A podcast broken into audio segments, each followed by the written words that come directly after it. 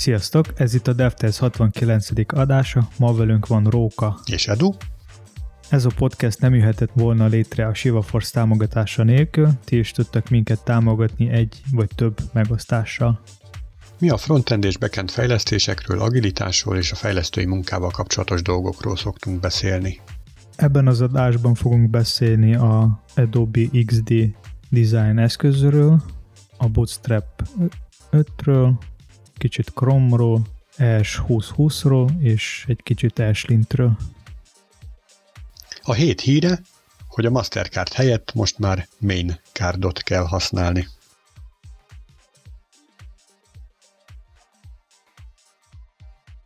Az első érdekes dolog, amit szeretnék említeni, az a Adobe XD nevű alkalmazás, az, aki esetleg nem tud, ez kb. ugyanaz, mint a Sketch vagy Figma. Várj egy picit, Edu. Akkor az nem csak egy vicces smiley volt a végén, hanem tényleg ez a neve, hogy XD. Igen. Igen, okay. az tényleg az a neve. szóval ez nagyon hasonló alkalmazás, mint Sketch vagy Figma, tehát ebbe is lehet készíteni a UI-t, meg prototípusokat. Annyit még kell tudni róla, hogy ez egy ingyen alkalmazás, úgyhogy ingyen lehet használni. Vagy azért akartam róla beszélni, mert nemrég kijött egy újabb frissítés ennek az alkalmazásnak, és benne bekerült egy olyan feature, hogy scroll groups. Tehát az azt jelenti, hogy most már a designban lehet imitálni scrollozást. Tehát régebben, vagy más alkalmazásokban az így most még nem lehet csinálni, vagy sose lesz ilyen, nem tudom még de remélem, hogy egyszer majd mindenhol lesz, és most az Adobe XD-be ez meg lehet csinálni. És ez miért fontos lehet, mert, vagy kérdezd meg te. És ez a scroll group téma, ez miért fontos? Többször az a probléma, hogy amikor elkészül egy design, akkor nagyon nehéz emulálni valamilyen scrollozás, mert a design úgy készül, hogy egy ilyen nagy hosszú kép van maga a UI-ról, és vagy az lehet megcsinálni, hogy belezumolsz valahogy a böngészőbe, és mintha imitál, vagy emolálsz scrollozást, így most már nem kell ezzel foglalkozni, hanem csak megcsinálsz bizonyos méretű képet, beraksz bele a tartalmat, és tudsz scrollozni, mint egy rendes böngészőbe. Tehát, hogy egyre közelebb a böngésző viselkedéshez maga a design készül. Akkor a végén eljutunk oda, hogy maga a design kialakító eszköz egyben a végeredményt kialakító eszköz is lesz. Szerintem simán előfordul ez, mert a kódot is már lehet belőle exportálni.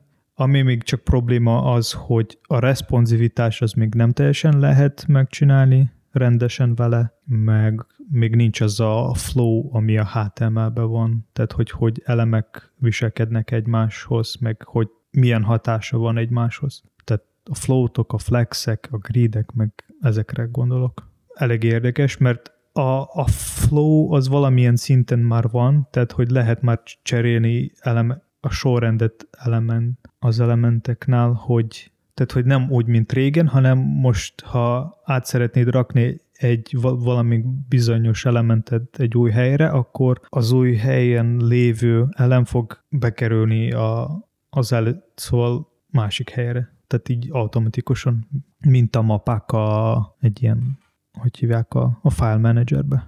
Voltak még pár érdekes újdonság Adobe XD-be, de, de az, azok a többi ilyen a Sketch meg a Figma már támogatják, szóval ezeket nem, nem nagyon érdemes említeni, és inkább az a scroll group, ami, ami érdekes volt.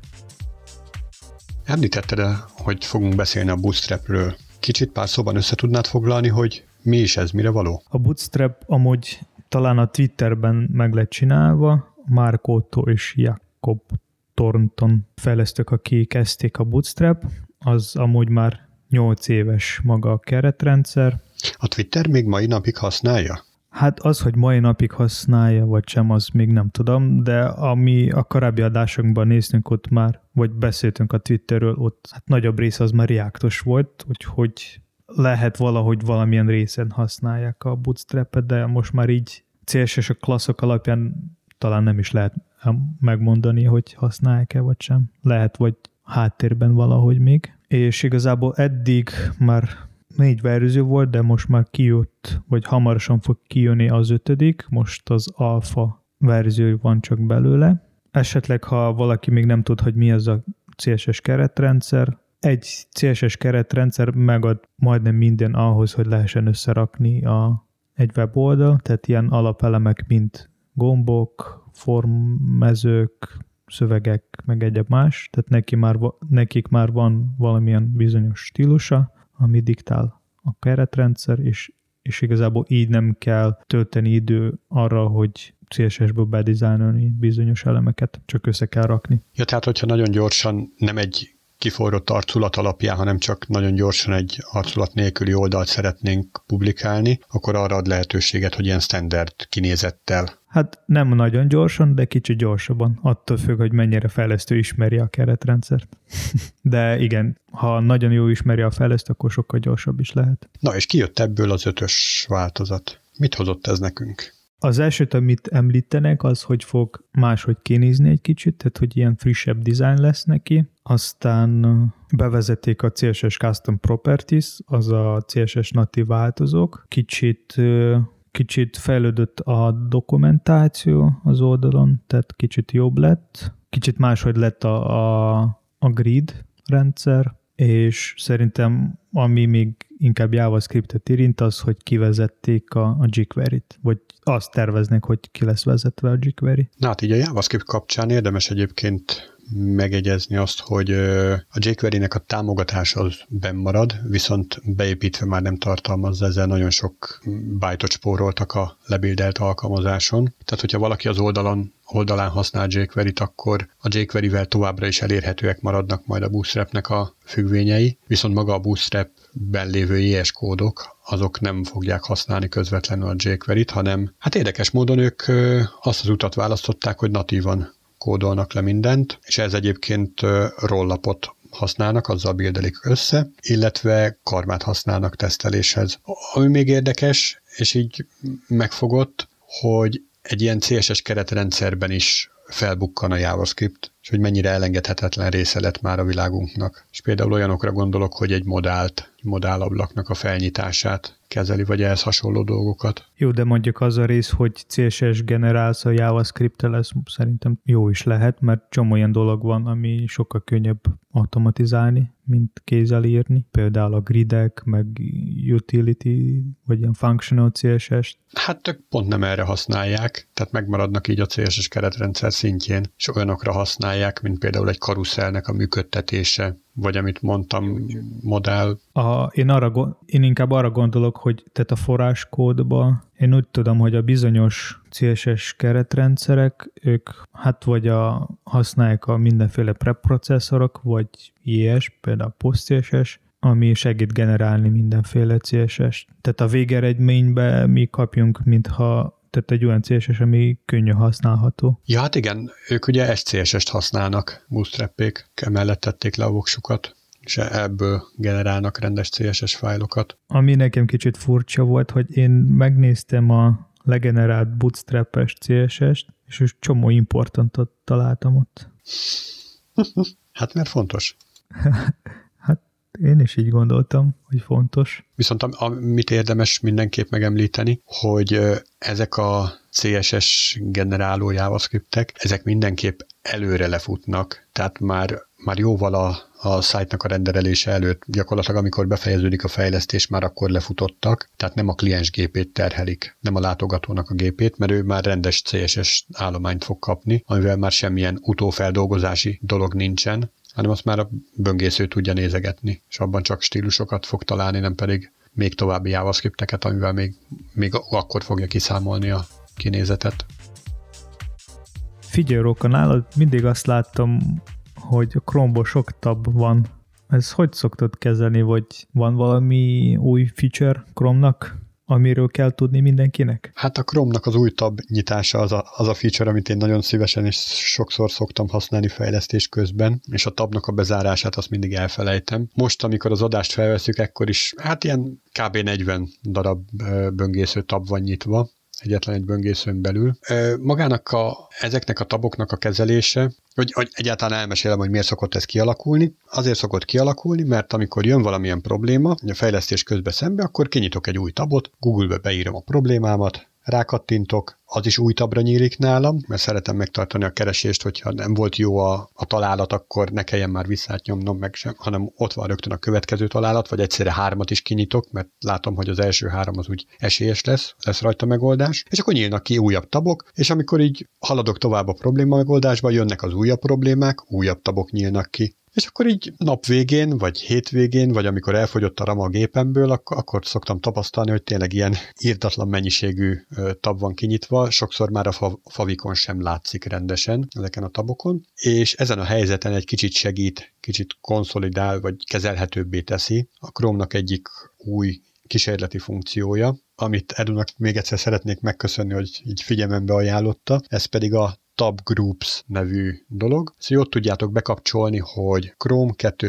per flags, hogyha ezt begépelitek, akkor ott elérhetőek lesznek ezek a kapcsolók, és a kísérleti funkciók közt meg lehet majd találni a Tab Groups-ot, amit hogyha engedélyeztek, akkor látványosan nem fog történni semmi, viszont hogyha egy tabon jobb egeret kattintasz, akkor megjelenik néhány új menüpont, hogy hozzáadás új csoporthoz, vagy hozzáadás meglévő csoporthoz, vagy ehhez hasonló dolgok, amikkel ki tudsz alakítani olyan fajta csoportokat, amikbe be tudod sorolni a te munkád során kellő oldalakat. És most itt például van nálam, azt mondja, hogy öt darab ilyen csoport. Az elsőben Raspberry-vel foglalkozó oldalak vannak, a másikban ilyen céges általános dolgok, mint levelezés, vagy ö, ilyen kollaboratív chat, meg naptár, meg ez hasonlók magával egy projekttel kapcsolatos ilyen teszteszközök is ott vannak, ö, ehhez tartozó kutatások, az egy külön csoportban van, illetve vannak, van egy-kettő olyan tab, ami ilyen helyre nem besorolható, és azok vannak még egy külön csoportban, amiben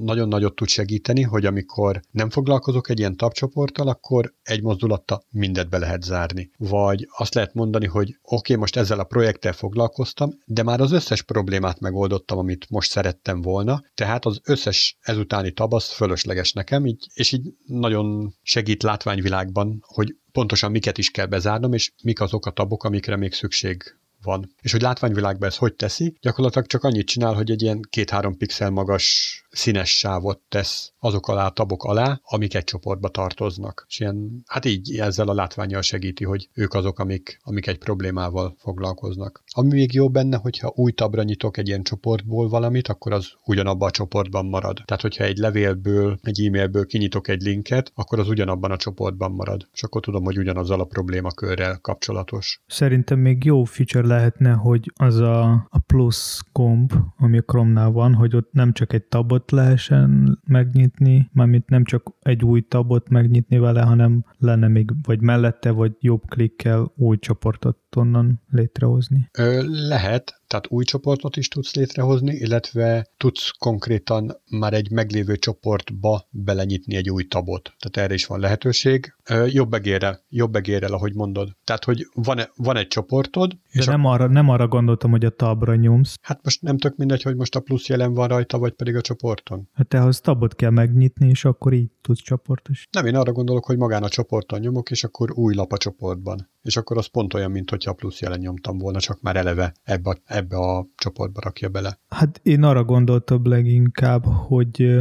hogy a csoportok az legyenek, mint a mapák. Tudod, mindig fixen vannak ott, és ugyanúgy lehessen egy új csoportot létrehozni, akár ha nincs neked semmi tab. Nekem egyébként egy dolog egy kicsit így hiányzik, amivel esetleg el tudnám altatni egy tabcsoportot. Mert hát azért tényleg tehát sok tab sok memóriát eszik, szóval a Chrome az nem kiméli a gépet ilyen szempontból, meg még az sem kizárt, hogy folyik belőle a memória, mert úgy egyre több és több szokott elfogyni. Viszont az nagyon nagy segítség lenne, hogyha egy ilyen 10-15 lapot tartalmazó csoport, amivel egyébként csak majd holnap szeretnék foglalkozni, csak most kutattam egy kicsit, és így előkerült néhány tab, amit nem szeretnék bezárni. Na ezt jó lenne, hogyha el lehetne altatni, és valahova így eltenné magának a háttérbe. És amikor majd rákattintok, akkor, akkor nyissa ki újra. Ez egy jó feature lenne, de már így is nagyon sokat segít. Hát igen, neked mindig szokott ilyen tableron féle.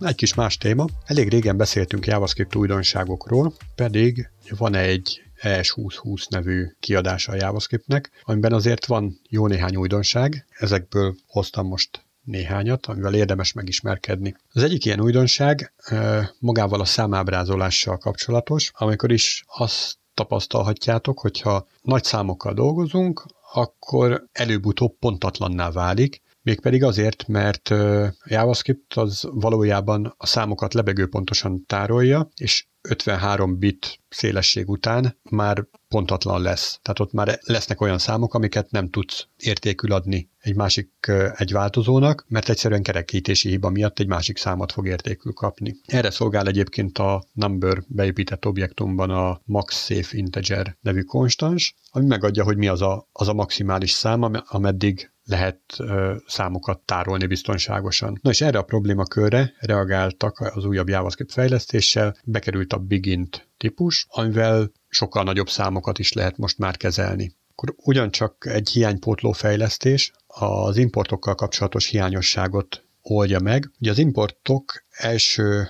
nekifutása úgy készültek el, hogy kötelező volt a fájl elején lennie, és nem tartalmazhatott semmilyen kalkulációt, hanem egy fix dolgot lehetett beimportálni.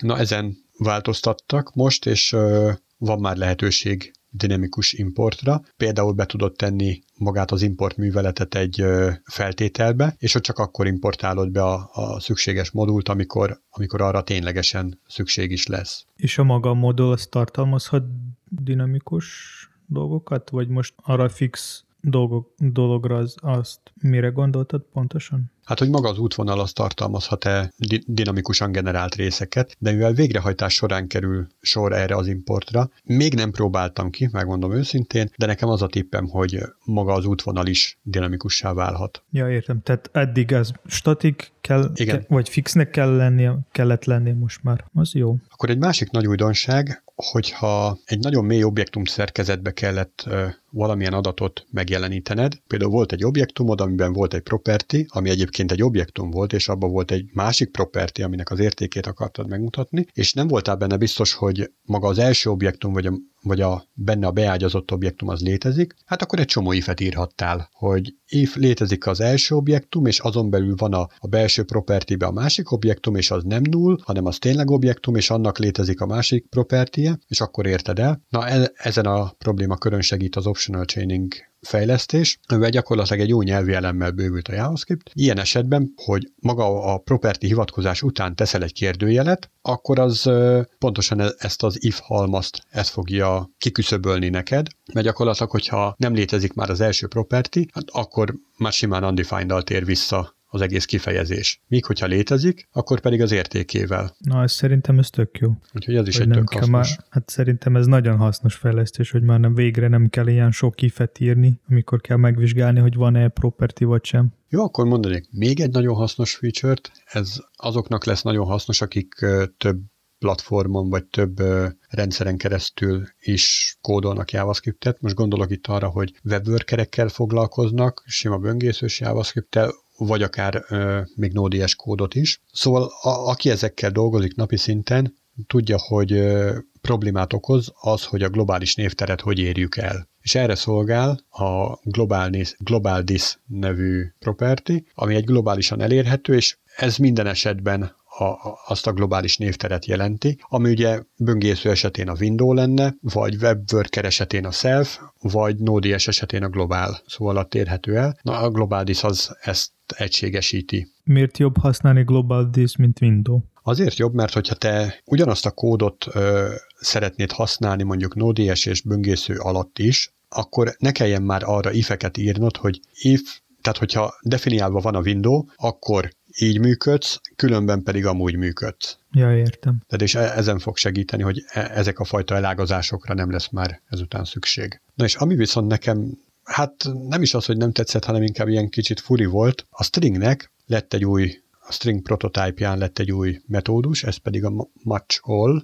amivel reguláris kifejezéseket lehet uh, illeszteni. Ez ugye akkor uh, tud nagy segítség lenni, hogyha nem, nem csak egy darab kifejezést kerese, hanem, hanem keresed egy darab a kifejezésnek az összes illeszkedését. Ezt ugye a G módosítóval, a globállal tudod ö, megadni a reguláris kifejezésben, és eddig a sima match függvény, az ugye egy tömbben adta vissza a találatokat. Most ez a match all, ez pedig egy iterátort ad vissza, aminek ö, minden egyes kifejezése megadja magát azt a találatot. Tehát ilyen szempontból nekem egy kicsit furi, hogy eddig is volt erre lehetőség, és akkor, hogy miért kellett ezt így külön kiemelni, illetve hogy ilyen iterátorba beletenni, de biztos hasznos. Import esetén belekerült egy új adat az importba, ez pedig a meta. És amikor készítesz te egy modul típusú scriptet, amit a böngészőben script type modullal húzol be, akkor fog információt adni neked, egészen pontosan arról, hogy honnan is húzták be ezt a modult. És akkor ott egy rendes URL-t fogsz kapni, hogy honnan származik az a az a JS fájl, amivel egyébként tök hasznosan lehet majd operálni. Hát nekem az a bánatom vele egyébként, hogy Ugye maga az egész, egész script modulos történet az arról szól, hogy tudjál használni rendesen importokat, még akár böngészőben is. Tehát, hogy ezzel a scripttel ezzel gyakorlatilag beimportáltad azt a modult. Importot meg tudsz egyébként használni máshol is, Viszont, hogyha máshol használod, akkor, akkor nem lesz erre majd lehetőség, hogy megtud az ő metáját. De minek kell azt a, ez a meta? Az, hogy honnan hoztad be a, a file, az... Ez olyan esetben hasznos, hogyha valamilyen nagyon dinamikus, nagyon absztrakt dolgot készítesz, amikor nem vagy abban biztos, hogy, hogy honnan húzták be a te modulodat, viszont szükséges az, hogy a téged hívó félről neked információid legyenek, mert annak függvényében máshogy tudsz működni, vagy, vagy valami ehhez hasonló. Tehát ez tényleg ilyen ecskészekre akkor szokott fontos lenni. És, és mivel már lehet nem mondjuk használni ES 2020, ezzel az Ashlint is nem marad hátra, tehát kijött újabb verziók, és amíg pont támogatják az ES 2020, és most Ashlynből már hetes verzió van, ami hát igazából azon kívül, hogy ES 2020-at támogatja, még vannak ilyen pár apróság, amit lett kijavítva. Ami, ami szerintem az egyik fontos dolog, ami változott az új Ashlynbe, az, hogy droppolva lett a Node.js 8-as verzió támogatása, mert ez le fog járni, vagy lejárt már a december 2019-be, úgyhogy aki szeretne frissíteni a Ashlint a 7-es verzióra, és neki még 8-as nód van, akkor érdemes a nódot is frissíteni. Az lehet, hogy kicsit több munka lesz emiatt. Ó, dehogy is. Hát mindenki Dockerben fejlesztés. Egy ilyen frissítés az csak annyiból áll, hogy átírja az image után a verziószámot. Nem kell ott telepítgetni semmit arra gondoltam, hogy ha valakinek esetleg van valami webpack, vagy valami egyéb más nódos plugin vagy package, ami, ami függ a Node verziótól, akkor lehet, hogy fog kicsit több munkát produkálni ez a frissítés. Tudsz erről egyébként ami, konkrétan? Például a Node SES az nagyon függ a Node verziótól. De hogy újabbakkal nem működik, csak régebbivel? Hát nem úgy van, hogy bizonyos verziók, bizonyos Node verzió működik. Aha, értem. Tehát, hogy mondjuk, ha holnap kijön 16-os Node verzió, akkor a mostani Node.js nem biztos, hogy azzal fog tudni működni. Mármint én többször azzal találkoztam, hogy a Node.js-nek mindig régebbi verziót kell, mint nálam volt. De ilyenekből sok előfordulhat. PostCSS például az is ilyen, hogy ők is droppolták már régóta szerintem a Node.js 8-as verziót. Aztán amint javították, hogy a default ignore patternnek meg az kicsit javult, mindenféle validáció szabályok az kicsit jobb lett. Amúgy még egy éve, hogy a TS-lint deprecated lett, megjelent a TypeScript ES-lint lib, amivel lehetne linteni a TypeScriptet. Úgyhogy ez valakinek plusz munkát tud generálni. Egyébként ez az egész nódos világ egy csomó munkát generál így a fejlesztőknek, nem? Hát az egész frontend világ. De én most arra gondolok, hogy készítesz egy projektet, van benne mondjuk 10 függőséged, elkészíted, minden szuper, csillog-villog, elmész egy hosszabb nyári vakációra, visszajössz, lebildeled ugyanazt az alkalmazást, és ott fog sírni Réni, hogy nagyon sokan támogatást kérnek, de az egy másik tészta, viszont hogy mennyi sebezhetőség lett benne. És akkor elkezded kijavítani, és ahhoz, hogy kijavítsad, ahhoz az egyik függőségből verziót emelsz, de az húzza magával az ő függőségét, amit csak úgy tudsz feloldani, hogyha te behúzod azt a függőséget újabb verzióval, és ilyen totális függőség hell lesz az egészből, és végeredményben csomó időt el fogsz tölteni azzal, hogy ne legyen semmi változás a projektedbe, csak továbbra is up-to-date maradjon. Hát akkor az a konklúzió, hogy nem szabad menni szabadságra. hát nem a szabadság indikálja ezt a dolgot, hanem valószínűleg a, a silány kódminőség, amivel fölteszik eleve a, a függőségeket, vagyis hát azokat a csomagokat, amiket fölraknak. És ugye az, hogy kiderülnek sebezhetőségek, hát az persze az természetes, mert idővel mindenki fog derülni. Szóval itt Hát ilyen kettősség van bennem, mert egyrésztről nagyon jó, hogy ezt így az orrunk alá dörgöli maga az NPM most már. Ugye korábban volt egy NSP nevű csomag, de most már az NPM-nek a része lett, hogy az ismert sebezhetőségekre figyelmeztet a függőségek telepítésekor. Tehát ez szerintem nagyon jó. Másik oldalról viszont tök rossz, hogy az ember így ránéz arra a projektre, amiről azt gondolta egy hónappal ezelőtt, hogy csillog-villog, és így szinte ilyen rossz érzése lesz, hogy úristen, hát ez mennyire ósdi már, mennyire itt az egész, és tiszta elavult dolgokat használunk, hiszen mindenből jött ki újabb verzió, minden sebezhető lett, és miért is használtam én ezeket a dolgokat, amikor fejlesztés közben az volt a lehető legfrissebb és a lehető legjobb. Hát nekem az a tapasztalatom, hogy ha folyamatosan frissítesz, akkor nincs ilyen probléma. Hát Na jó, csak ugye gondolj bele, tehát egy ügyfél megrendeli tőled a, az A terméket, leszállítod neki, és akkor így életed végéig fogod frissítgetni neki? Ingyer? Hát Pláne. nem. Amíg az aktív a projekt, addig, amíg aktívan kell fejleszteni benne a projektbe, addig lehetne frissíteni. Na, de ezt mondom, hogy befejeződik a fejlesztés, tehát elkészülsz a azzal, amit kértek tőled. Elkészült, mint aki jól végezte dolgát, elmész pihenni, vagy átmész másik projektre, vagy valami más csinálsz, majd kell benne egy kis módosítást végezni, és az a kis módosítás, ahhoz, hogy azt kivitelezni tud, ahhoz ugye le kell majd bildelned, és a buildnél fog szembesülni azzal, hogy te jó ég, hát mennyi minden változott már azóta, és mennyire lavult lett az a projekt, amit nemrég még fejlesztettél. És érted, hogy tehát ez a fajta rossz érzés van bennem, hogy hiába csak egy kis dolgot szeretnél megjavítani benne, magadra rántod azt, hogy ezeknek a függőségeknek a karbantartását, hogyha nem akarsz ismert sebezhetőséget publikálni. A másik oldalról, mikor nem ilyen sörön frissülnek a libek, package meg egyéb más dolog, akkor az is rossz érzés lehet. Igen, tehát hogy már tíz éve ugyanazzal a libbel dolgozunk, és már ismerjük minden hibáját, és utáljuk ezért,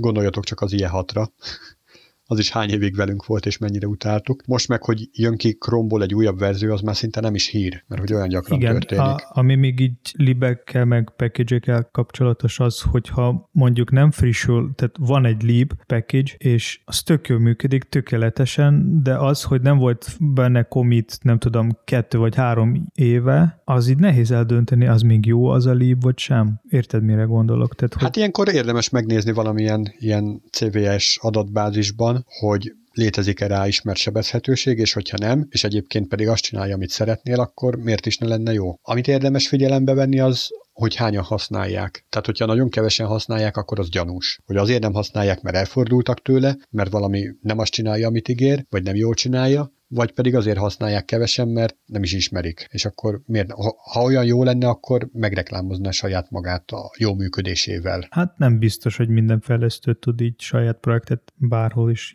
jó módon reklámozni, attól nem, még nem, nem, lehet. Nem arra gondolok, hogy a fejlesztő reklámozza a projektjét, hanem önmagát reklámozza a projekt azzal, hogy jól csinálja azt, amit csinál. Tehát most képzeld el, hogy a webpacket azt e, elég jól ismerjük, tudjuk, hogy mennyire tud gép, gép, gépzabáló lenni, tehát hogy erőforrás faló lenni webpack, és hogyha most kijönne, amit egyébként említettél múltkor például Go-ban, de hogy kijön valamilyen újabb olyan lib, ami ugyanezt tudja, csak tízszer, vagy mondjuk százszor gyorsabban, annak nem kell külön hírverés. Hát persze, hogy átállok rá, persze, hogy azt fogom használni. Ki a fene akart perceket várni arra, hogy lebildelődjön egy szoftver, amikor lehet ezt pár tized másodperc alatt. Én, én ilyen fajta reklámra gondolok. Hát jó bornak nem kell cégér. Korábbi adásokban említettünk, hogy van egy ilyen Honeyspot YouTube csatorna, ami, ahol szokott megjelenni újabb dokumentumfilm a fejlesztőkről, vagy bizonyos eszközökről. Most nemrég megjelent egy újabb ilyen kis rövid videó a Lia Vero fejlesztőről, A Journey into Software Development, ami mindenkinek ajánlik megnézni. Tudsz egy pár szót mondani, hogy mi van benne? Nem lesz spoiler sajnos. Amúgy ah. rövid a videó, meg lehet nézni. 10 perc. Kinek van manapság 10 perce? Hát akinek van ideje bezárni ilyen sok tabot, annak biztos van 10 perce megnézni videót. Nekem nincs. Ennyi fér bele a mai adásba. Ha esetleg valakinek van bármilyen visszajelzés, kérdés, akkor Nyugodtan lehet írni nekünk Twitteren, Facebookon vagy akár e-mailben. Facebookon használjátok a Facebook csoportunkat. És hallgassátok minket legközelebb is. Sziasztok! Sziasztok!